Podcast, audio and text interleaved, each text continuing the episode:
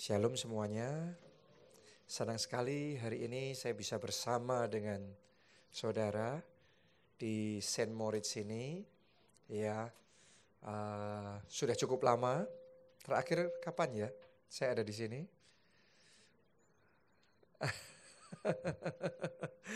ya, yang saya percaya hari ini kita semua akan diberkati dengan firman Tuhan. Amin. Ya, saudaraku hari ini kerasa sekali sudah uh, di Jakarta ini atmosfer liburannya kental sekali ya. Tapi walaupun suasananya liburan, tapi rohnya kita semua tetap berkobar-kobar, rohnya kita semua tetap menyala-nyala di dalam Tuhan. Boleh kita kasih tepuk tangan yang meriah buat Tuhan kita. Nah hari ini kita akan uh, masuk di dalam satu seri khotbah yang baru, spesial sekali. Judulnya adalah Mujizat Pemulihan Keluarga. Oke, saya percaya ini momen yang spesial, apalagi momen liburan, di mana uh, apa itu namanya Tuhan akan bekerja dan mendatangkan pemulihan keluarga di dalam keluarga kita masing-masing. Amin. Ya, bukan berarti keluarga kita semuanya bermasalah. No, no, no, no. Ada yang bermasalah, Tuhan akan pulihkan. Tapi yang tidak pun saya percaya Tuhan akan bekerja dan dilipat gandakan kasihnya, dilipat gandakan kebahagiaannya. Boleh katakan amin? Mari kita baca terlebih dahulu di dalam Yoel pasalnya yang kedua. Ayat yang ke-23 sampai ayatnya yang ke-26. Oke, saya bacakan buat saudara.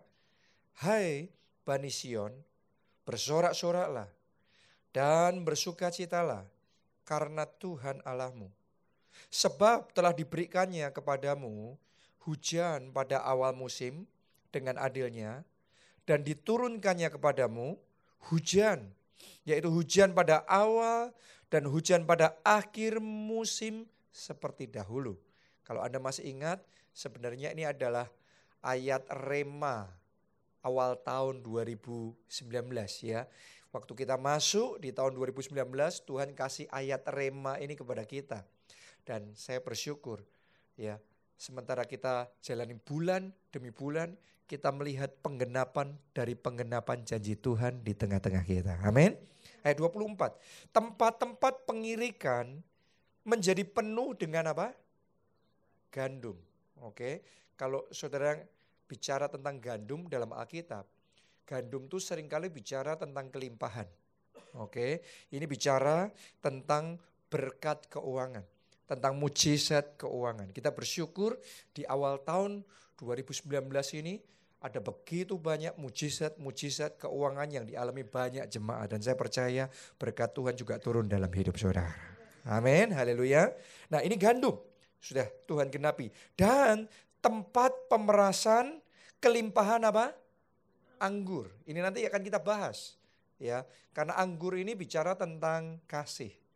Oke, dan kasih itu yang paling penting untuk pemulihan keluarga bisa terjadi untuk pemulihan hubungan bisa terjadi ya. Jadi mulai bulan ini saya percaya kelimpahan anggur akan Tuhan curahkan di tengah-tengah kita. Kelimpahan kasih akan Tuhan curahkan dalam hidup kita, dalam pernikahan dan di dalam keluarga kita. Kita lanjutkan dulu. Dan apa? Ayat berikutnya. Ah, kata berikutnya apa? Jadi ada gandum, terus kemudian ada anggur dan kemudian ada minyak. Ya, minyak ini dalam Alkitab selalu bicara tentang pengurapan. Ya, ini bicara tentang anointing for dominion, urapan untuk berkuasa. Masih ingat ya? Kita sudah pelajari kalau nggak salah bulan Maret April itu, ya. Bulan April, ya. Oke, ini bicara tentang urapan kesembuhan ilahi. Saudaraku, kita patut bersyukur sama Tuhan terhadap apa yang Tuhan kerjakan di tengah-tengah kita. Bukan cuma mujizat uh, keuangan, tapi juga begitu banyak mujizat kesembuhan. Setiap minggu selalu saja kita mendengarkan mujizat demi mujizat kesembuhan Tuhan kerjakan di tengah-tengah kita. Ya, saya ceritakan beberapa yang baru saya terima juga. Ya, waktu kemarin KKR Pencuran Roh Kudus luar biasa sekali. ya responnya hadirat Tuhan, lawatan Tuhan luar biasa dan begitu banyak orang datang dengan kehausan untuk mengalami lawatan Tuhan. Dan yang luar biasa saudaraku, ada jemaat kita, dia ajak orang tuanya dari Riau. Jauh-jauh datang dari Riau, ya, dari luar pulau ke gereja kita untuk ikut KKR pencurahan Roh Kudus. Nah, orang tuanya ini lumpuh. Jadi waktu datang pun masih dalam keadaan lumpuh, ya. Tapi waktu KKR didoakan Roh Kudus bekerja, seketika itu juga berjalan. Dia bangkit dan kemudian berjalan. Kita kasih tepuk tangannya pula yang paling meriah buat Tuhan kita. Ya, ada begitu banyak selama dua bulan ini orang lumpuh yang berjalan. Itu real dan Tuhan kerja luar biasa sekali. Terus satu lagi aja tentang uh, kesembuhan ilahi ini. Ya, ada satu jemaat kita yang kena sakit kanker usus yang ganas. Jadi kankernya ini kategorinya ganas, kanker usus, ya. Dan bukan cuma itu aja, menyebar ke mana-mana, ke lever, dan juga ke ginjal. Sampai dibawa ke Singapura, Singapura sudah nolak. Karena Singapura merasa uh, sudah nggak bisa untuk ditangani. Ya, jadi Singapura saya bawa pulang aja. Ya dokter Singapura ngomong, ya sudah nunggu aja. Karena memang secara medis tidak ada harapan. Tapi yang luar biasa saudaraku, dalam kondisi yang putus asa seperti itu, ya dia ini ambil komitmen datang pondok Daud. Ya, makanya saya berdoa apa pun kondisi saudara, ayo setia datang pondok Daud. Saya bisa merasakan di pondok Daud itu roh kudus nyata bekerja. Di pondok Daud itu nyata mujizatnya. Di pondok Daud itu nyata kuasa Allah. Dan begitu banyak kesembuhan ilahi yang Tuhan lakukan. Ya. Nah dia datang ke pondok Daud, uh, dia mencari Tuhan, dan di situ dia berdoa, ya doa profetik, deklarasi profetik juga, Luar biasa sekali. Setelah itu Tuhan jamah dia, dia berangkat lagi ke Singapura untuk dicek ulang. Dan dokter Singapura melihat hasil ceknya malah terheran-heran. Karena semua kanker yang sudah menyebar ke mana-mana itu lenyap semuanya, sembuh total sepenuhnya. Tepuk tangannya pula yang paling meriah buat Yesus kita yang ajaib, yang berkuasa menyembuhkan sakit penyakit. Amin. Jadi kalau saat ini saudara datang ke tempat ini, ada penyakit di tubuh saudara, ataupun saudara punya teman atau punya keluarga yang punya sakit penyakit, saya mau katakan di dalam nama Yesus ada kesembuhan. Di dalam nama Yesus ada pengharapan. Di dalam nama Yesus ada kuasa. Alkitab mengatakan oleh bilur-bilurnya kita sudah disembuhkan. Kalau saudara percaya terima kuasa Allah bekerja di tubuh saudara dan terima kesembuhan dalam nama Tuhan Yesus. Amin. Jadi bagi Tuhan tidak ada yang mustahil. Ya, dalam satu bulan terakhir ini saja, saudaraku tidak terhitung orang-orang yang kanker stadium 4 mengalami seperti yang tadi saya ceritakan. Begitu banyak kanker stadium 4 disembuhkan. Dalam satu bulan ini, satu bulan terakhir, ya, satu bulan terakhir ini ada tiga orang mati yang dibangkitkan. Itu literally. Anda boleh percaya, sudah boleh tidak, tapi that's what happened. Oke, okay? itu yang sungguh-sungguh terjadi. Dan Tuhan memang bekerja nyata di tengah-tengah kita. Saya berdoa bukan cuma saudara mendengarkan kesaksian orang lain, tapi tahun ini giliran Anda yang bersaksi, giliran Anda yang menceritakan mujizat Tuhan, kuasa Tuhan, berkat Tuhan yang dicurahkan di dalam hidup saudara. Amin. Yesus kita ajaib. Oke, jadi tadi yang kita baca, ada gandum, ada anggur, ada minyak. Gandum sudah, itu di awal tahun, begitu banyak mujizat, mujizat keuangan yang terjadi. Ya, records breaking miracle yang Tuhan kerjakan. Ya, dream like miracles. Anda kalau masih ingat, pada waktu itu begitu banyak orang yang mengalami mujizat, banjir order, mengalami rekor luar biasa.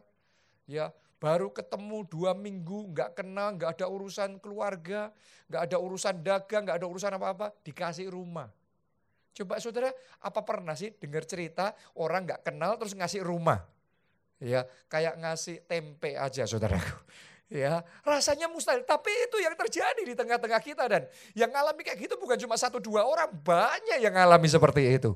Jadi saya percaya juga, saya berdoa bukan cuma mujizat kesembuhan, tapi mujizat keuangan Tuhan juga kerjakan dalam hidup saudara. Pekerjaan Anda diberkati, keuangan saudara diberkati. Boleh katakan amin, kita kasih tepuk tangannya boleh yang meriah buat Tuhan kita. Ya, jadi gandum sudah, minyak sudah, nah sekarang mulai bulan ini kita minta anggur kasih Tuhan dicurahkan dalam hidup kita. Anggur kasih Tuhan dicurahkan di dalam keluarga kita. Di dalam pernikahan kita. Saya percaya akan segera Tuhan kerjakan mujizat-mujizat pemulihan keluarga ini. Dan kita akan mendengarkan banyak kesaksian-kesaksian yang luar biasa. Nanti sudah akan melihat. Akan ada kesaksian-kesaksian suami istri yang sudah hampir cerai. Tapi dipulihkan oleh Tuhan atau bahkan sudah cerai, tapi dipulihkan oleh Tuhan. Nanti saudara akan mendengarkan kesaksian-kesaksian yang ajaib. Orang tua dan anak yang bermusuhan bertahun-tahun, tapi Tuhan lakukan rekonsiliasi di dalam keluarganya. Amin. Ada percaya nggak Tuhan bisa lakukan hal-hal yang seperti itu? Itu mujizat. Karena buat banyak keluarga, situasi tertentu itu sudah tidak mungkin lagi pemulihan terjadi. Artinya butuh campur tangan Tuhan. Butuh kuasa Tuhan untuk bekerja. Sehingga mujizat terjadi. Nanti Anda akan mendengarkan kesaksian. Suami yang sudah pergi lama. Meninggalkan keluarganya, istrinya, anaknya bertahun-tahun. Sudah uh, apa uh, lupa sama keluarganya. Tapi roh kudus bekerja, roh kudus jama dan dikembalikan dan keluarga itu dipulihkan. Jadi mujizat-mujizat seperti ini saya yakin akan Tuhan kerjakan. Ya, dan akan terjadi. Kakak adik yang rebutan warisan. Kan orang ngomong kalau sudah urusan duit, ya orang itu bisa berubah jadi setan katanya saudaraku. Oke, tapi saya percaya ya kalau dirasuki roh mamon bisa berubah jadi setan, tapi kalau dipenuhi roh kudus bisa berubah jadi malaikat. Boleh katakan amin, kita kasih tepuk tangannya boleh yang meriah buat Tuhan kita. Jadi expect miracles. Saya mau katakan sementara Anda dengarkan khotbah ini, harapkan mujizat terjadi dalam keluarga saudara. Amin. Karena kalau saudara nggak punya pengharapan, ya nothing will happen. Nggak ada yang terjadi. Karena dimulai dari pengharapan. Dan Alkitab mengatakan pengharapan akan Allah tidak mengecewakan. Jadi saudara berharap sama Tuhan. Orang yang lapar akan dikenyangkan.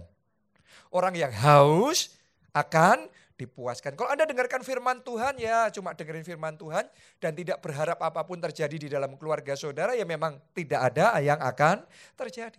Semua mujizat yang terjadi dimulai dari mengharapkan mujizat terlebih dahulu. Jadi hari ini saya ajak saudara expect miracles. Harapkan mujizat terjadi dalam pernikahan saudara. Harapkan mujizat terjadi di dalam keluarga saudara. Oke, nah pertanyaannya sekarang bagaimana kita bisa mengalami mujizat pemulihan keluarga itu? Ya, ada dua hal saya mau bagikan hari ini. Yang pertama, yang pertama, taburkan benih kasih. Semuanya dimulai dari menabur kasih terlebih dahulu. Kita baca Yohanes 2, ini kisah yang sangat terkenal sekali perkawinan di Kana ayat 1 sampai ayatnya yang ke 11. Pada hari ketika ada perkawinan di Kana yang di Galilea dan ibu Yesus ada di situ. Yesus dan murid-muridnya diundang juga ke perkawinan itu. Ketika mereka kekurangan anggur, ketika mereka apa? Kekurangan anggur, Ibu Yesus berkata kepadanya, mereka kehabisan anggur. Kata Yesus kepadanya, mau apakah engkau daripadaku ibu? Saatku belum tiba. Tetapi ibu Yesus berkata kepada pelayan-pelayan, apa yang dikatakan kepadamu, buatlah itu. Di situ ada enam tempayan yang disediakan untuk pembasuhan menurut adat orang Yahudi. Masing-masing isinya dua tiga buyung. Yesus berkata kepada pelayan-pelayan itu, isilah tempayan-tempayan itu penuh dengan air. Dan mereka pun mengisinya sampai penuh. Lalu kata Yesus kepada mereka, sekarang cedoklah dan bawalah kepada pemimpin pesta. Lalu mereka pun membawanya. Setelah pemimpin pesta itu mengecap air yang telah menjadi anggur itu, dan ia tidak tahu dari mana datangnya, tetapi pelayan-pelayan yang mencedok air itu mengetahuinya, ia memanggil mempelai laki-laki dan berkata kepadanya, setiap orang menghidangkan anggur yang baik dahulu, dan sesudah orang puas minum, barulah yang kurang baik. Akan tetapi engkau menyimpan anggur yang baik sampai sekarang. Hal itu dibuat Yesus di Kana yang di Galilea sebagai yang pertama dari tanda-tandanya dan dengan itu ia telah menyatakan kemuliaannya dan murid-muridnya percaya kepadanya. Sampai di situ pembacaan kita. Kalau saudara menyimak kisah ini, saudara akan menjumpai. Pada waktu itu resepsi pernikahannya masih berlangsung enggak? Masih jalan. Kayaknya semuanya masih jalan. Tapi yang uh, tidak diketahui banyak orang, ada masalah yang terjadi. Yaitu mereka hampir kehabisan anggurnya. Ya, jadi tampaknya di luar oke, tapi di dalamnya muncul masalah. Ada masalah. Seringkali itu yang terjadi dan dialami di banyak pernikahan dan di banyak keluarga. Tampaknya sekilas masih ke gereja bersama-sama. Ya, tampaknya sekilas ya masih hidup bersama-sama sebagai suami istri. Tampaknya sekilas keluarganya oke-oke saja, tapi orang lain nggak tahu ada masalah. Ada persoalan, ya. Pertanyaannya begini, bagaimana dengan pernikahan saudara? Bagaimana dengan keluarga kita sendiri? Ya, apakah memang semuanya baik, berjalan dengan baik atau ada masalah? Masalahnya mereka pada waktu itu adalah anggurnya habis. Dan tadi saya sudah sampaikan sama saudara, anggur ini bicara tentang apa? Kasih. Mungkin karena benturan. Mungkin karena konflik di dalam keluarga, mungkin karena perbedaan pikiran, mungkin karena begitu banyak hal bisa terjadi di dalam keluarga, gesekan dan banyak hal lagi sehingga akhirnya level kasihnya menurun. Seperti yang terjadi di perkawinan di Kana, anggurnya menipis, hampir habis. Ya, kalau saudara tanya sama diri saudara masing-masing, bagaimana level anggur kasih di dalam keluarga saudara, di dalam pernikahan saudara. Saya mau ngomong begini, memang banyak hal bisa terjadi di dalam keluarga yang menyebabkan anggur kasihnya jadi habis. Itu sebabnya, itu sebabnya anggur kasih di dalam keluarga kita harus terus menerus diperbaharui. Doa saya melalui firman Tuhan hari ini, ya Roh Kudus akan mencurahkan anggur barunya di dalam keluarga kita. Anggur barunya, anggur kasihnya di dalam pernikahan kita. Amin. Ya. Saya berdoa. Terus pertanyaannya bagaimana supaya level kasih di dalam pernikahan dan keluarga kita itu terus ada dan terus melimpah. Sebenarnya sesimpel. Ya, taburkan benih kasih. Karena Alkitab mengajarkan apa yang kita tabur, itu yang kita tuai. Jadi kalau kita mau tuayan kasih, anggur kasih di dalam pernikahan kita dan di dalam keluarga kita terus melimpah, terus ada, jangan berhenti untuk menaburkan benih kasih. Karena itu yang akan menjamin. Saya mau ngomong begini, jangan berhenti suami-suami di tempat ini seenggak enak apa pun seperti apa pun kondisi pernikahan saudara, seberbeda apa pun saudara sama istri saudara, saya mau katakan tetap belajar, tetap berusaha, tabur kasih sama istri saudara. Kadang-kadang untuk ngomongnya gampang, tapi setelah kita dalam situasi tertentu sedang gak enakan sama pasangan kita, gak enakan sama orang tua, sama anak, untuk berbuat yang baik buat dia, itu bukan hal yang mudah. Tapi kalau saudara ingin kasih dalam keluarga saudara terus melimpah, ya saya mau katakan, ini kuncinya, tabur kasih.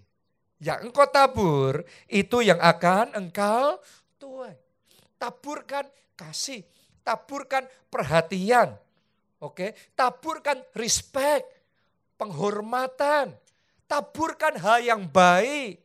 Dan kalau tabur kasih sama pasangan saudara, sama menantu, sama mertua saudara, sama orang tua, sama anak saudara. Saya mau ngomongnya begini, taburlah kasih itu sesuai yang dia harapkan. Bukan yang kita mau. Ya, kadang-kadang orang kalau nabur kasih, naburnya yang menurut kita baik. Tapi saya mau ngomong begini sama saudara, kebutuhan setiap orang itu sendiri-sendiri, beda-beda. Yang menurut kita baik, kita lakukan, benar-benar kita lakukan itu baik. Maksudnya kita mau menabur kebaikan buat dia. Tapi belum tentu menurut dia itu baik. Dan itu yang dibutuhkan.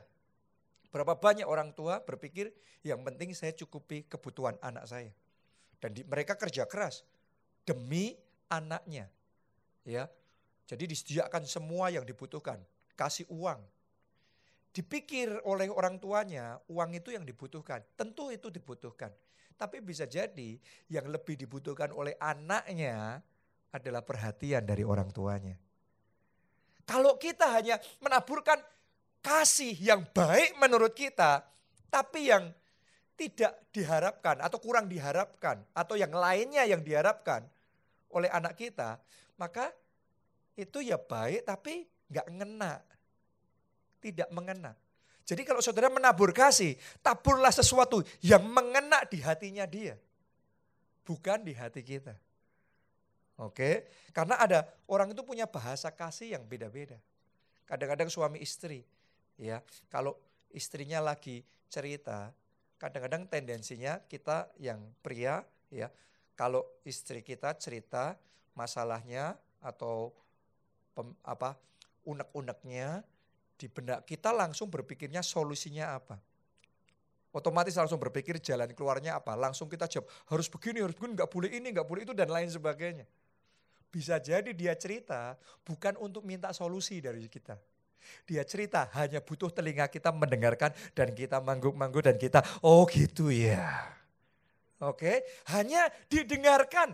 Kalau seandainya kita cuma mendengarkan dan mengerti, meresponi dengan baik, tiba-tiba satu jam, dua jam dia cerita selesai. Dia merasa kayak kita orang yang paling penuh kasih sedunia.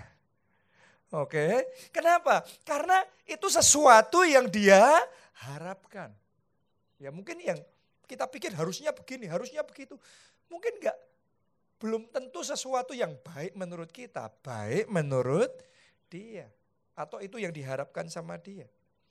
Jadi hari ini saya ingin ajak saudara, ayo taburkan, cari apa yang orang tua saudara, apa yang pasangan saudara, apa yang anak saudara butuhkan. Dan taburkan sesuai yang mengena di hatinya dia. Ya kadang istri juga sama. Ya, Kadang-kadang yang dibutuhkan suami itu cuma kata-kata pujian saja. Ya, kadang-kadang dalam kondisi tertentu sudah tantangan di pekerjaan banyak, masalah banyak, ya, pulang ke rumah. Kadang-kadang orang kalau bekerja kan kadang-kadang ngalami pergumulan, ngalami tantangan. Terus kadang terjadi yang namanya kerugian. Kadang terjadi yang namanya kegagalan. Buat suami sudah berusaha melakukan yang terbaik. Tapi kenyataannya ngalami kendala, ngalami pergumulan. Ya. Kadang cerita seperti itu sebenarnya yang dibutuhkan suami bukan penilaian kita. Nah, kadang istri terus apalagi membandingkan sama pria yang lain, suaminya orang lain yang lebih sukses, lebih hebat, lebih kaya. Kok papa nggak kayak itu? Oh, dan lain sebagainya. Padahal yang dibutuhkan oleh suami kita adalah support kita adalah kata-kata pujian dari istrinya. kata-kata support dari istrinya. Nggak peduli apa pun yang terjadi, kita tetap bersama, kita berjuang bersama, kita maju bersama. Dan saya percaya pernikahan yang seperti itu, pernikahan yang diberkati oleh Tuhan. Kita kasih tepuk tangannya boleh yang meriah buat Tuhan kita. Amin. Jadi kalau kita mau kasih di dalam keluarga kita melimpah, yang paling utama tabur kasih. Orang nabur kasih, menuai kasih. Naburnya sedikit, nuai sedikit. Naburnya banyak, nuainya banyak. Siapa mau dalam pernikahan saudara kasihnya dikit? Siapa mau kasihnya banyak? Wow, keluarganya kasihnya banyak. Berarti naburnya banyak. Banyak orang mengharapkan tuayannya banyak, tapi naburnya sedikit. Banyak orang mengharapkan diperhatikan terus sama pasangannya, didukung, disupport. Tapi kapan saudara naburnya?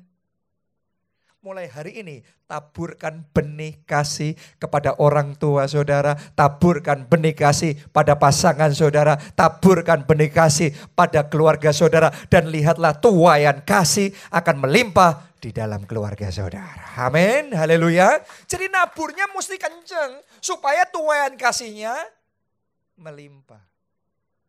Tapi bagaimana sekarang kalau kita terlanjur mengalami seperti yang dialami perkawinan di Kana itu. Ya. Jadi anggurnya apa? Habis. Gimana kalau di dalam pernikahan kita dan di dalam keluarga kita ya sudah terlanjur kehabisan anggur. Kehabisan kasih. Bisa nggak itu terjadi? Sebagian ngalami, memang sudah kehabisan anggur, kehabisan kasih.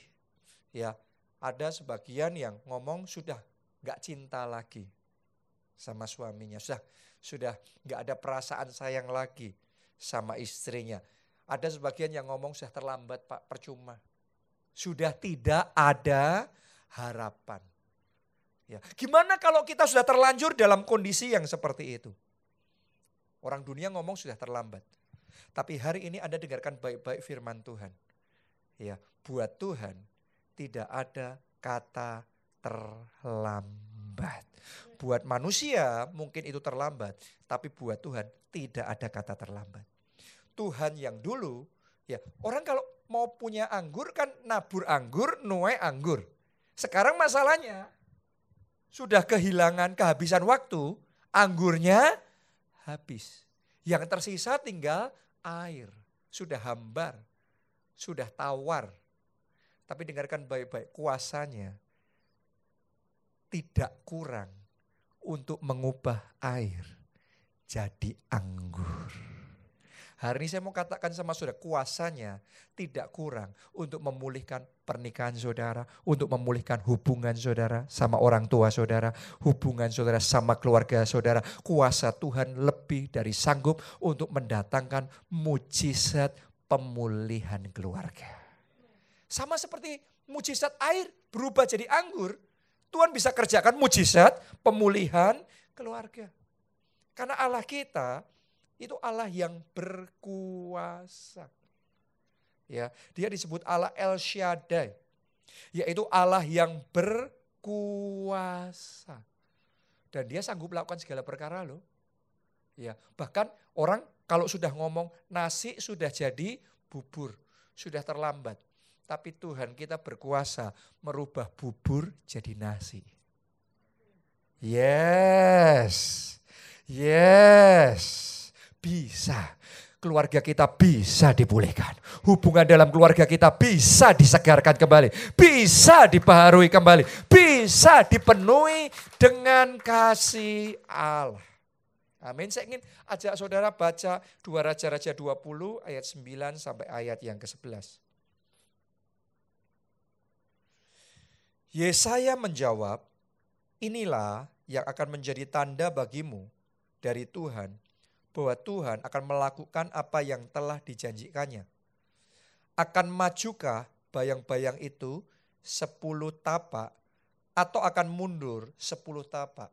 Jadi disuruh milih saudaraku. Ya. Hiskia berkata, itu perkara ringan bagi bayang-bayang itu untuk memanjang sepuluh tapak. Ya normal. Kalau mataharinya jalan, maka bayang-bayangnya akan memanjang 10 tapak. Hizkia ngomong begitu. Ya. Sebaliknya, biarlah bayang-bayang itu mundur ke belakang 10 tapak. Lalu berserulah Nabi Yesaya kepada Tuhan, maka dibuatnya lah bayang-bayang itu mundur ke belakang 10 tapak. Yang sudah dijalani bayang-bayang itu pada penunjuk matahari buatan Ahas. Sampai di situ. Wow, ini saya mau ngomong sama saudara, ini mujizat yang sangat dahsyat sekali. Ini mujizat yang sangat spektakuler sekali. Jadi boleh dikatakan bahasa gampangnya ya, ibaratnya Tuhan itu lakukan mujizat, Tuhan mundurkan waktu. Oke. Jadi Tuhan bisa mempercepat waktu. Tuhan bisa memperlambat waktu. Tuhan bisa menghentikan waktu. Ada orang ngomong, nasi sudah jadi bubur.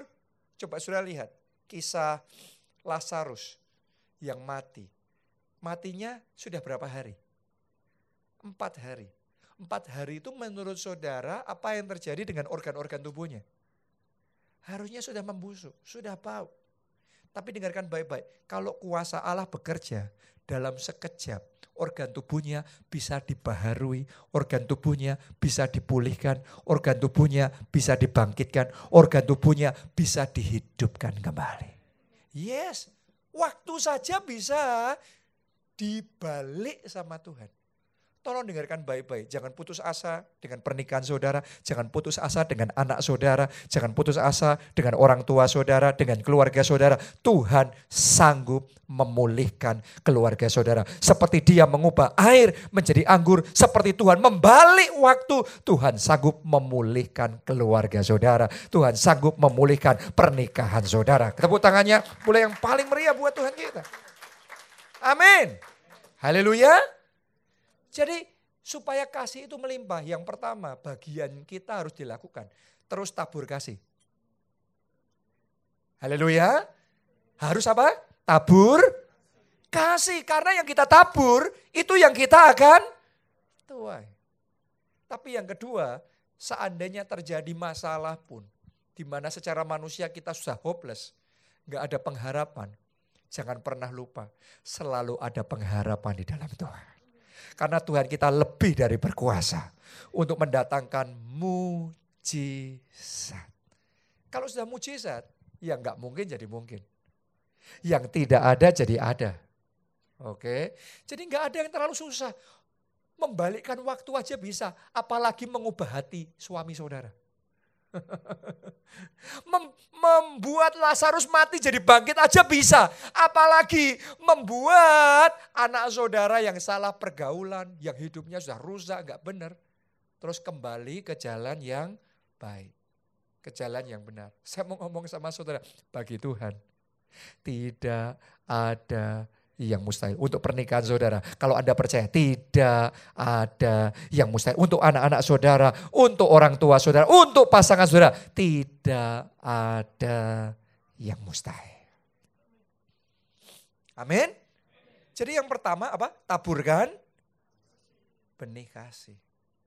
Tapi yang kedua, kalau kita mau mujizat itu terjadi, yang kedua, buat ruang yang spesial bagi Yesus untuk masuk dalam keluarga kita. Making special room for Jesus. Mau keluarga saudara dipulihkan? Mau level anggur kasihnya melimpah? Saya mau ngomong begini sama saudara, pastikan Yesus punya tempat yang spesial di dalam pernikahan saudara, di dalam keluarga saudara. Artinya Yesus harus punya prioritas di dalam keluarga saudara. Prioritas utama keluarga saudara pastikan adalah Yesus. Banyak keluarga punya prioritas masing-masing. Ada keluarga tertentu yang prioritasnya kerja, kerja, kerja, kerja, kerja. Ya oke sih, bagus, sukses, kaya. Tapi tanpa Yesus, suatu hari kita akan mengalami masalah itu. Oke, suatu hari saya sudah ketemu sama keluarga-keluarga yang kayanya luar biasa, tapi keluarganya porak-porandanya luar binasa. Oke, ya. Karena prioritasnya salah. Ya. Karena setiap keluarga itu punya prioritasnya sendiri. Ada keluarga yang prioritasnya adalah yang penting uang, uang, uang. Ada keluarga yang prioritasnya studi, studi, studi. Pokok studi itu nomor satu. Lebih dari apa pun juga. Ngalahin semua yang lain juga. Ada keluarga yang prioritasnya pokok having fun, having fun. Pokok paling semangat paling utama keluarganya adalah liburan. Wah seperti sekarang ini ini sudah nggak pak nggak mungkin ketinggalan dia ya sudah planningnya sudah paling luar biasa dia oke okay? ya jadi saya mau ngomong begini liburan tidak masalah kerja tidak masalah uang tidak masalah studi tidak masalah semuanya baik dan doa saya semuanya Tuhan berkati di dalam hidup saudara. Amin. Tapi pastikan kalau ada prioritas utama di dalam pernikahan dan keluarga kita adalah Tuhan Yesus. Carilah terlebih dahulu kerajaan Allah dan kebenarannya, maka semuanya ditambahkan. Kalau ada Yesus di dalam keluarga saudara, maka ada pengharapan buat keluarga saudara. Kalau ada Yesus di dalam keluarga saudara, maka kasihmu bisa dibaharui kembali. Kalau ada Yesus di dalam keluarga saudara, maka keluarga yang bermasalah pun bisa dipulihkan. Itu yang dialami oleh mempelai yang menikah di Kana pada waktu itu. Ya, waktu mereka mau menikah, mereka pasti ngundang orang kan? Mereka pasti nyortir undangannya kan? Bener nggak? Ada yang orang-orang yang harus diundang. Bener nggak?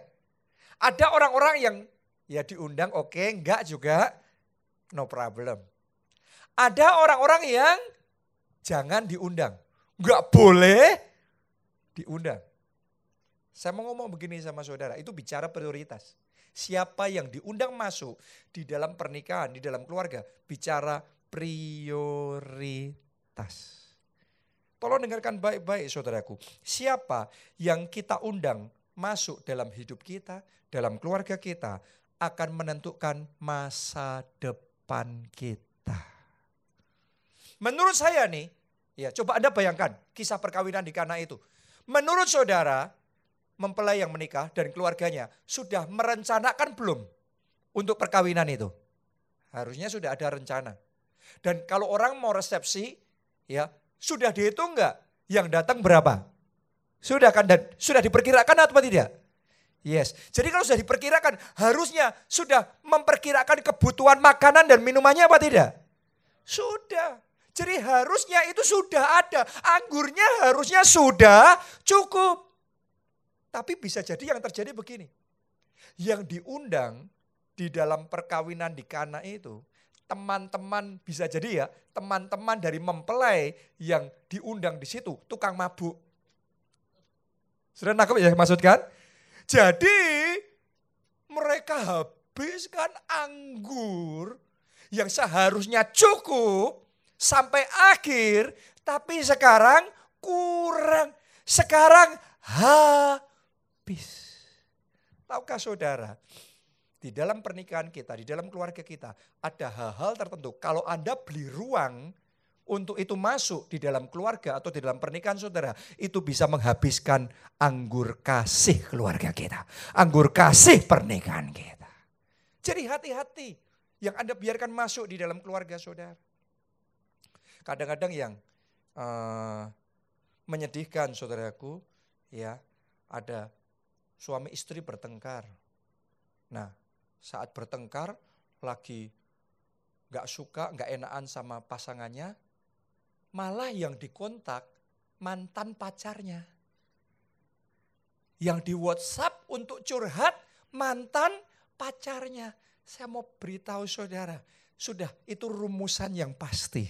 Oke, itu rumusan yang pasti. Anggur kasih dalam keluarga itu akan disedot habis sampai kurang, sampai ludes. Karena salah mengundang orang. Mungkin banyak orang yang ngomong gini, ya mungkin bukan mantan pacar lah. Tapi pria lain. Atau wanita lain. Ya, banyak yang ngomong kan cuma curhat. Bahkan mungkin teman kelompok selnya loh. Tapi ya suaminya orang, istrinya orang. Saya mau ngomong begini sama saudara, pertama curhat. Setelah hatinya kena, nanti lanjut saudaraku. Itu bahaya. Ya. Peribahasa ngomong kata nenek, itu bahaya saudaraku. Jadi ada hal tertentu kalau Anda biarkan masuk di WhatsApp saudara, ada WhatsApp tertentu dengan orang tertentu, itu bisa merusak pernikahan saudara, bisa merusak keluarga saudara. Jadi hari ini ambil keputusan, delete kontak. Yes, karena yang Anda undang masuk di dalam pernikahanmu, di dalam keluargamu, menentukan masa depan pernikahan dan keluargamu. Yang mengerti boleh katakan amin. Haleluya. Jadi kita harus ngerti, jangan main-main di situ. Alkitab ngomong orang main api hangus, orang main air basah. Saudara main-main di situ, Anda ngomong nggak apa-apa, nggak apa-apa, nggak ada apa-apa, nggak ada apa-apa. Awalnya gitu. Tapi nanti akhirnya pasti nyesel. Karena kalau hati sudah terpikat, itu sudah semuanya ditabrak. Kalau awalnya masih ya oke okay, kayak nimbang-nimbang. Tapi sampai di titik tertentu, sampai di point of no return, itu apa pun ditabrak. Mau berakibat keluarga kita hancur, anak-anak kita terlantar, kalau orang sudah terpikat, ditabrak semuanya. Jadi hari ini kalau ada di WhatsApp saudara dalam hubungan saudara yang bisa merusak pernikahan dan keluarga saudara, take it out, delay it. Oke, jangan kasih ruang buat yang bisa merusak kasih di dalam keluarga saudara. Yang mengerti bisa katakan amin sekali lagi. Jangan biarkan juga kuasa kegelapan masuk dalam keluarga saudara. Kadang-kadang ada sebagian orang waktu buka usaha supaya laris, panggil paranormal. Tanam kepala hewan. Kayaknya ya kan cuma gitu. Saya mau beritahu saudara, itu adalah celah yang iblis akan pakai untuk masuk dan mulai merusak keluarga saudara. Jadi hati-hati. Hal-hal yang seperti itu, itu kayak ngasih ruang buat pribadi yang salah, buat roh jahat, buat kuasa kegelapan untuk masuk dan mulai ngerjain saudara. Karena roh jahat kalau ngasih berkat sama saudara, ujungnya maut. Ada jalan yang disangka orang lurus, ujungnya apa? Maut. Nanti mesti ada konsekuensinya. Karena itu hari ini ambil keputusan hal-hal yang salah di dalam hubungan saudara. Hari ini potong itu dalam nama Tuhan Yesus. Amin. Yang kita undang masuk di dalam keluarga kita menentukan masa depan keluarga kita. Jangan undang orang yang salah, jangan undang uh, kuasa kegelapan, roh jahat, jangan berikan celah, jangan berikan kesempatan untuk mereka menyedot anggur kasih dalam keluarga kita. Itu yang terjadi di perkawinan di Kana itu. Pastikan hanya undang orang-orang yang tepat di dalam lingkaran hidup saudara. Tahu nggak saudara, yang membuat perkawinan di Kana itu selamat karena mereka undang satu pribadi yang paling luar biasa yaitu Yesus.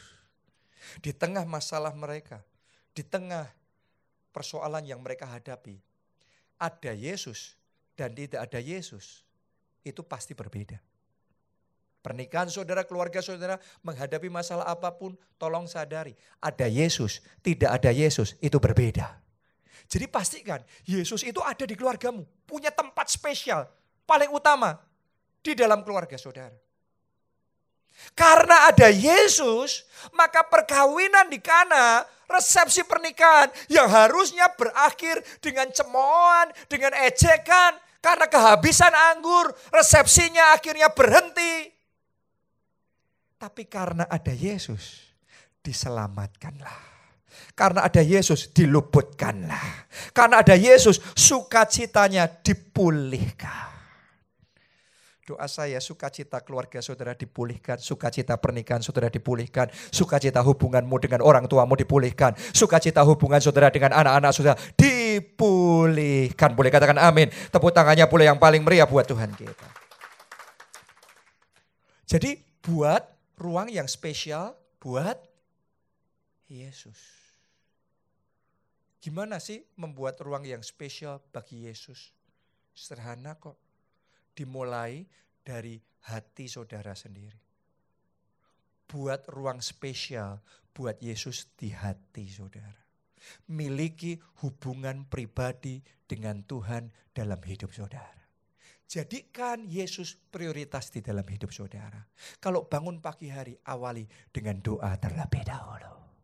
Dengan pujian penyembahan terlebih dahulu. Saya mau ajak di sini jemaat, doa minimal satu jam tiap hari.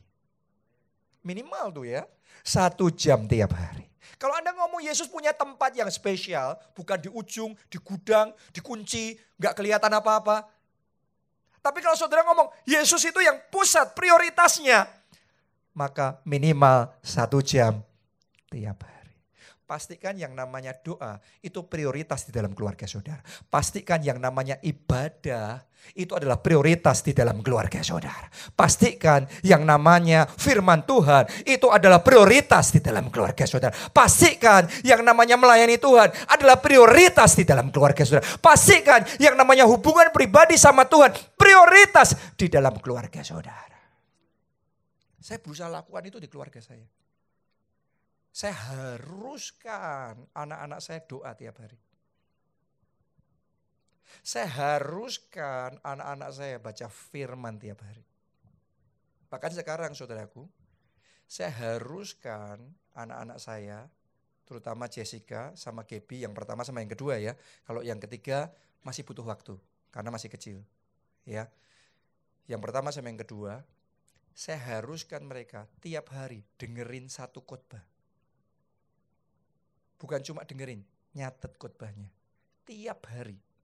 Satu harus mau mau terlambat sampai gimana pun tidur sampai jam, jam berapapun nggak boleh tidur sebelum dengar khotbah dan catat khotbah itu dan diserahkan ke saya saya teken Oke, itu benar-benar saya tekan saudaraku, oke. Jadi itu adalah satu prioritas. Mereka ngerti di keluarga ini kalau minggu harus ke gereja. Itu prioritas. Emangnya anak pendeta selalu kalau minggu sukacita ke gereja? Anak pendeta pun saudaraku butuh tarik-tarikan juga. Tapi di keluarga saya, saya harus pastikan anak-anak saya tahu Yesus itu prioritas di keluarga kita. Yesus itu nomor satu di keluarga kita. Ibadah kepada Yesus, doa kepada Yesus, melayani Yesus, menyenangkan hati Yesus. Itu utama di keluarga kita. Itu harus kita pastikan. Karena saya tahu saya sedang menanamkan sesuatu dalam hidup mereka. Dan kalau ada Yesus jadi prioritas dalam hidup mereka, saya tahu apa pun boleh terjadi.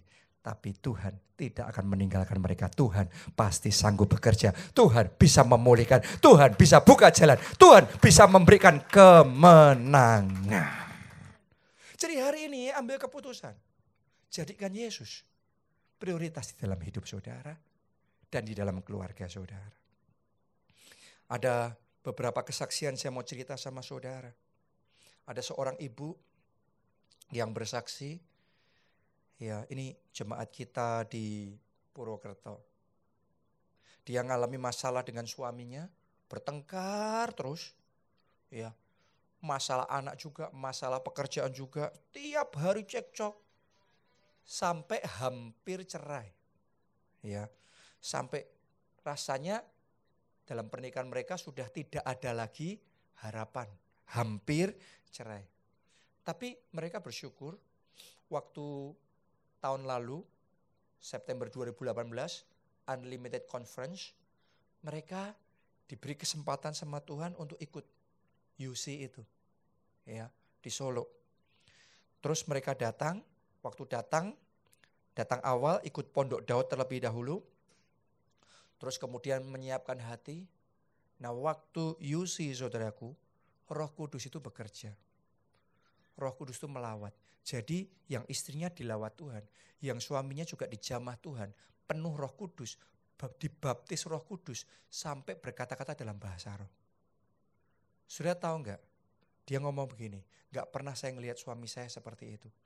Tadinya kalau ngomongan selalu nggak pernah ketemu, selalu masalah. Ya, tapi sejak dilawat dan dijamah sama Tuhan itu, pulang saudaraku, ya, waktu di tempat penginapannya, suaminya mendekati dia dan berbisik minta maaf sama dia dan berjanji tidak akan meninggalkan dia. Di hotel itu terjadi pemulihan keluarga. Sejak saat itu sampai sekarang keluarga mereka dirubah, suaminya dirubah oleh Tuhan, dia juga dirubah oleh Tuhan. Ada kerukunan di dalam keluarganya dan mereka bersama-sama melayani Tuhan dengan segenap hati mereka. Kadang-kadang ya, hanya kalau dijamah Tuhan, kadang-kadang penuh roh kudus dijamah Tuhan, keluarga yang berantakan bisa rukun begitu saja loh. Itu namanya mujizat. Air jadi anggur. Jadi ada sisinya, yang pertama kita nabur kasih. Bagiannya kita lakukan, nabur kasih. Tapi ada sisinya, di saat kita sudah tidak mampu lagi, Tuhan yang turut campur, Tuhan yang berperkara, air berubah jadi anggur, pemulihan terjadi begitu saja. Doa saya terjadi dalam keluarga saudara. Benang kusut kesalahpahaman yang tidak bisa terselesaikan. Nanti Anda akan melihat. Ya, saya pernah ngalami, banyak orang juga ngalami kadang-kadang sudah yang namanya kesalahpahaman itu mau dibicarakan seperti apa pun malah tambah rumit. Ya. Tapi kalau Roh Kudus yang bekerja, kesalahpahaman yang rumit, selesainya gampang sekali. Gak rumit-rumit. Begitu hatinya yang hatinya orang-orang rumit dijamah sama Tuhan. Yang rumit jadi simple. Kalau sudah jadi simple, pemulihan terjadi. Begitu saya doa saya, pemulihan terjadi dalam pernikahan saudara, pemulihan terjadi dalam keluarga saudara. Amin. Ada satu lagi ibu yang cerita bahwa uh, ketika dia menikah, dia nekat menikah sekalipun suaminya belum di dalam Tuhan. Ya. Dan ya, tapi menikahnya menikah Kristen. Terus suaminya juga jadi Kristen. Gitu.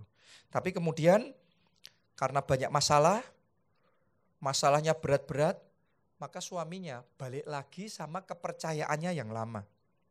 Ya, jadi sama kepercayaannya yang dahulu. Bukan cuma itu saja, suaminya mulai narkobaan. Dan suaminya mabuk-mabukan. Terus tambah lagi, sampai kena stroke. Sudah ngalami seperti itu, masih nekat, masuk di okultisme. Pergi ke dukun, okultisme, macam-macam saudaraku. Ini sudah kacau benar-benar.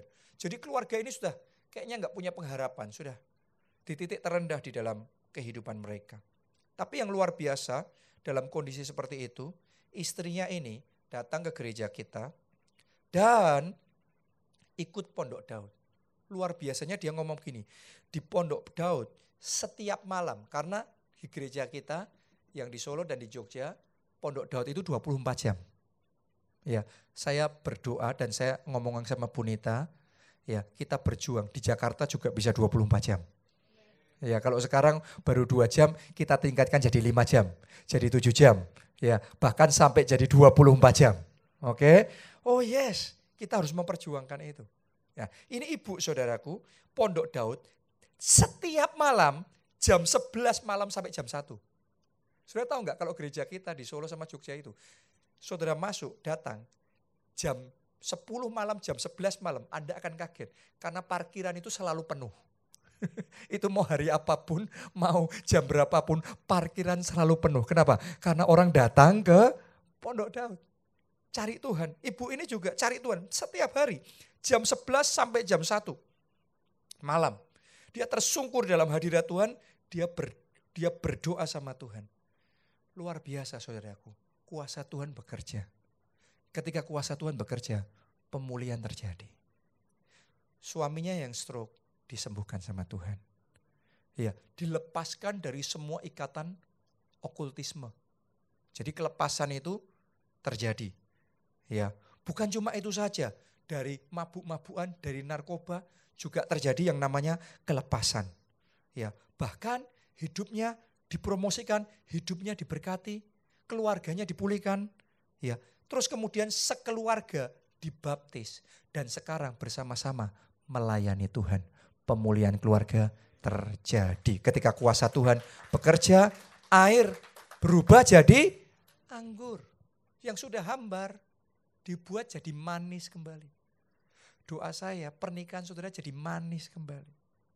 Doa saya hubunganmu sama anakmu yang sudah tawar dibuat Tuhan jadi manis kembali. Karena itu buat berikan tempat yang spesial buat Yesus di dalam keluarga saudara. Dimulai dalam hidupmu sendiri. Setelah itu perjuangkan di keluarga saudara. Nanti Anda akan melihat, kalau Tuhan yang bekerja, maka semua yang hambar akan dirubah jadi manis. Ada lagi yang bersaksi. Seorang ibu, ini jemaat kita di Surabaya. Bergumul dengan suaminya yang hidupnya kacau balau selama bertahun-tahun. Suatu saat dia mendengar Pak Obaja khotbah. Dan Pak Obaja ngomong begini, kalau jemaat biasa doa itu satu jam tiap hari. Tapi kalau pelayan Tuhan, doa itu tiga jam tiap hari. Dan dia benar-benar tangkap itu saudaraku Rema. Dia lakukan doa tiga jam tiap hari. Sudah tahu nggak apa yang terjadi? Dia bersaksi begini. Dia itu kalau dia itu bersaksi, dia melihat kalau Tuhan sudah bekerja, itu hal yang tidak mungkin. Itu yang terjadi. Dia berpuluh-puluh tahun berdoa buat keluarganya, khususnya buat suaminya. Tapi suaminya nggak pernah berubah. Orangnya keras, orangnya wah kayak gitu. Tapi sejak dia doa tiga jam tiap hari, sampai sekarang, Tuhan jamah suaminya. Dia ngomong, seolah-olah suami saya jadi baru. Orangnya sama, tapi karakternya dibaharui sama Tuhan. Orang dunia ngomong, ya kalau sakit itu bisa diobati, tapi kalau karakter itu tidak bisa diubah. Tapi di dalam Yesus kuasa Allah tidak terbatas. Karakter pun bisa diubah. Dan saya percaya kalau saudara mengandalkan Tuhan, kasih tempat yang spesial buat Yesus di dalam keluarga saudara, Anda akan melihat perubahan demi perubahan karakter di dalam keluarga saudara. Yang suaminya dirubah, yang istrinya dirubah, anak-anaknya dirubah, ada roh yang takut akan Tuhan, ada kasih yang melimpah di dalam keluarga saudara. Dan pemulihan keluarga terjadinya begitu saja. Terjadinya begitu saja. Satu lagi yang terakhir aja. Saya minta pemain musik bisa maju ke depan. Ada seorang ibu yang bersaksi, rumah tangganya berantakan karena ada orang ketiga. Jadi suaminya selingkuh. Ya. Nah, akibatnya tiap hari bertengkar terus, tidak henti-hentinya. Tapi yang parah begini, ini suaminya cukup tega saudaraku. Ya. Dia suaminya yang selingkuh, tapi suaminya yang ngusir istrinya. Jadi istrinya itu diusir suaminya pergi dari kehidupan, dari rumah, dan tidak boleh bawa satupun dari anak-anaknya. Mereka punya tiga anak. Jadi nggak boleh, jadi suruh pergi sendiri. Gitu. Ya. Sehingga dia pergi dengan membawa dendam, kebencian, dan dia terus menangis karena harus berpisah dengan anak-anaknya yang masih kecil. Dan sejak saat itu dia hidup di kota Solo sendirian. Sudah tahu enggak? Dia sudah dalam keadaan seperti itu, nyimpen dendam, kebencian sama suaminya, hidup sendiri selama 16 tahun. Jadi kalau orang dunia ngomong, nasi sudah jadi bubur, enggak ada harapan. Harapan apa sih? Tapi yang luar biasa begini. Ketika dia datang ke gereja kita, ya, tiap hari dia ikut pondok Daud. Pondok Daud itu banyak orang ngalami mujizat beneran loh saudaraku. Ya banyak orang terima mujizat keuangan, banyak orang terima mujizat kesembuhan. Dan ibu ini ngalami. Tiap hari dia doa pondok Daud. Di pondok Daud terus nyari wajah Tuhan. Yang luar biasa suatu saat dia dapat rema. Saat dia pondok Daud kayak ada suara yang ngomong dalam hatinya Jangan takut untuk pulang. Jangan takut untuk kembali sama suamimu. Itu kayak suara tuh kenceng sekali. Padahal sudah 16 tahun. Gimana sih? 16 tahun itu sudah banyak hal terjadi loh. Itu sudah nggak mungkin. Tapi suara itu kencang sekali ngomong di dalam hatinya. Awalnya dia nggak berani. Tapi setelah itu dia ikut retreat encounter. Waktu dia ikut retreat encounter, dia dipulihkan, dijamah. Waktu hatinya dijamah, terbakar menyala-nyala. Dia kayak diberi kekuatan untuk balik sama suaminya. Dan dia ambil langkah iman, dia pulang ke suaminya. Luar biasanya begini. Secara manusia kan gak mungkin ya, sudah. Tapi roh kudus itu bekerja. Hati suaminya dijamah begitu saja. Waktu dia pulang, balik terjadi pemulihan. Keluarga yang sudah pisah 16 tahun dipersatukan kembali. Ibu yang sudah nggak ketemu sama suaminya sama anak-anaknya 16 tahun dipersatukan kembali. Sekarang dipulihkan, sekarang ikut Tuhan, melayani Tuhan dengan sungguh-sungguh. Saya mau ngomong, bagi Tuhan tidak ada yang mustahil. Amin. Nasi sudah jadi bubur, bubur pun bisa dirubah kembali jadi nasi. Sediakan tempat yang utama buat Yesus. Bangkit berdiri, bangkit berdiri bersamamu Bapa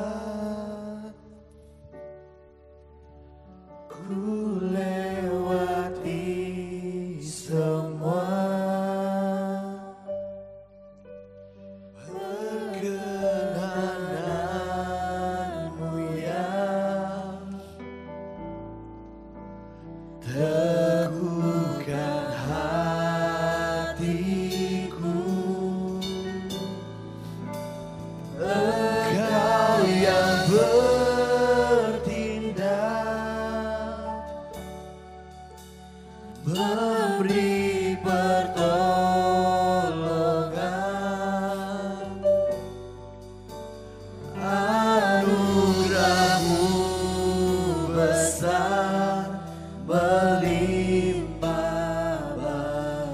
saya ajak semuanya, kita angkat dua tangan kita. Dari hatimu, mari katakan bersamamu. Bersamamu Bapa. Ku lewati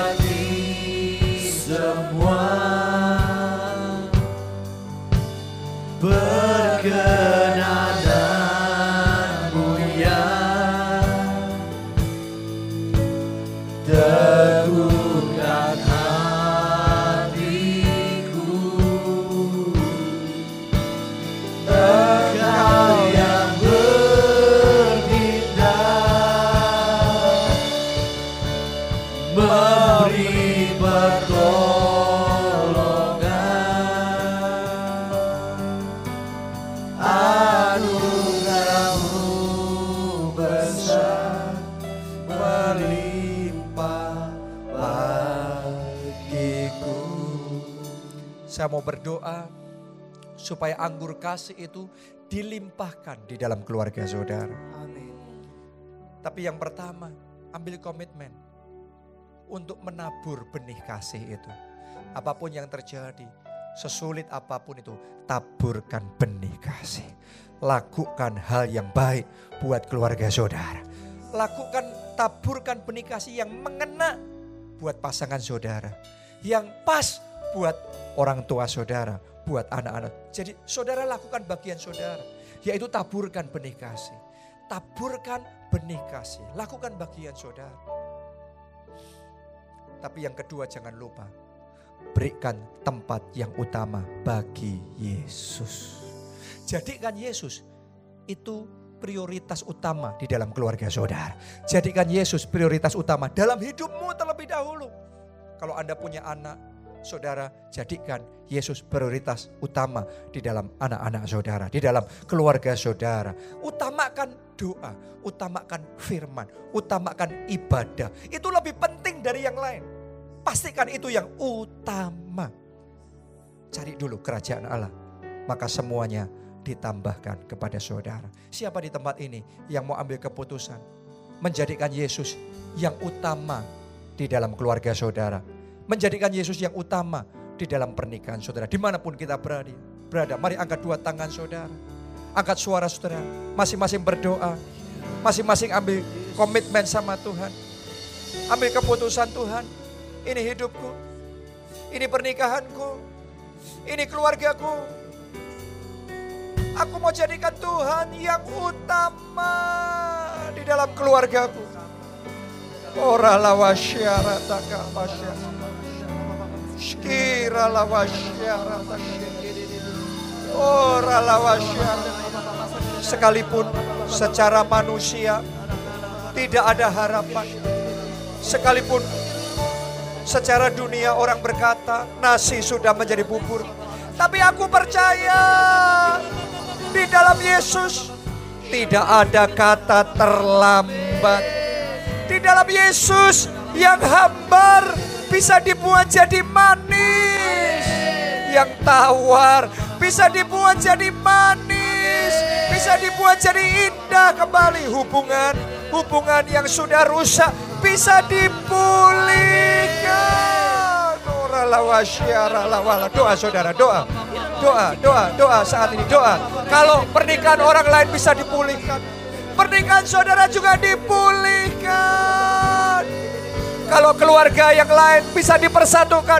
Keluargamu juga bisa dipersatukan. Ora lawasyara takapasya. Syarata basyara la Doa saudara, doa, doa. Ambil komitmen, lakukan bagian saudara. Tabur kasih, tabur kasih. Bangun pondok daun, bangun kehidupan doa saudara. Percaya sama Tuhan, berharap sama Tuhan. Ora la wasyara la wala wala wala doa saudara doa. Doa jangan diam. Doa doa. Dalam nama Yesus. Dalam nama Yesus. Mari nyatakan deklarasi profetik saudara semuanya angkat dua tangan ikuti kata-kata saya katakan di dalam nama Yesus di dalam nama Yesus keluargaku keluargaku di dipulihkan dalam nama Yesus. Dalam nama Yesus. Mujizat pemulihan keluarga. Mujizat pemulihan keluarga. Terjadi. Terjadi. Mari doa semuanya doa. Aku mengundang engkau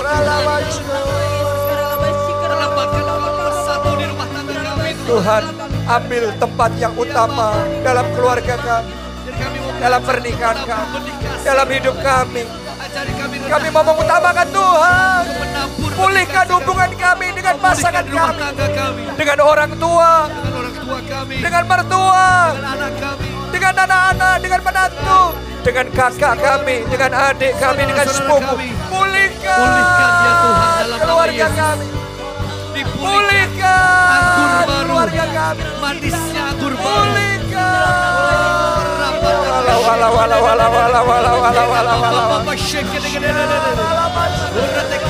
kora shakata kora shakata. Rekota ta shoto de kere kela mana. Shikira la mana shakata. Wala Jabah, jabah, jabah hati kami. Jabah dengan kasih. Jabah hati kami dengan kasihmu. Hati kami dibarui. Ya, dibarui. Hati yang penuh dengan anggur kasih dari Tuhan. Hati kami penuh dengan anggur kasih. Bisa mengampuni. Bisa memaafkan. Bisa menerima apa adanya. Bisa berubah.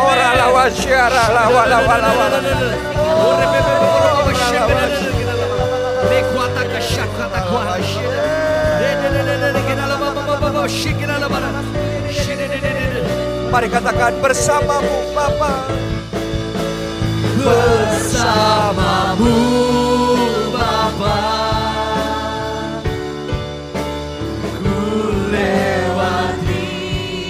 someone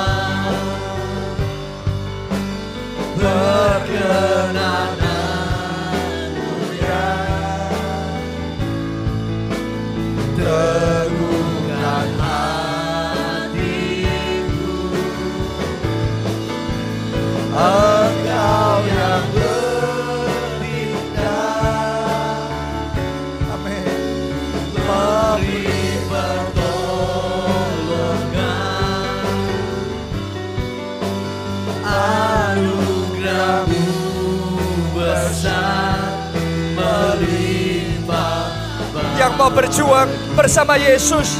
Mari katakan bersama. Bersamamu Bapa.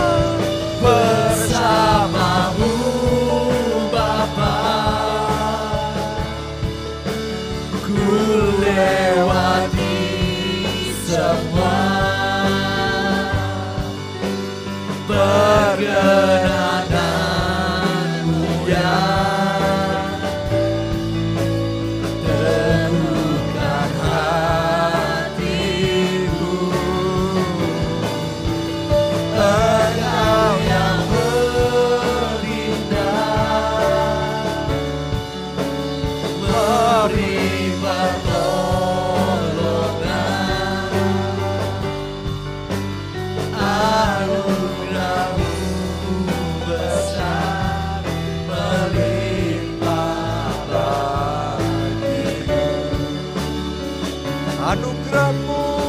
besar. Anugerahmu besar melimpah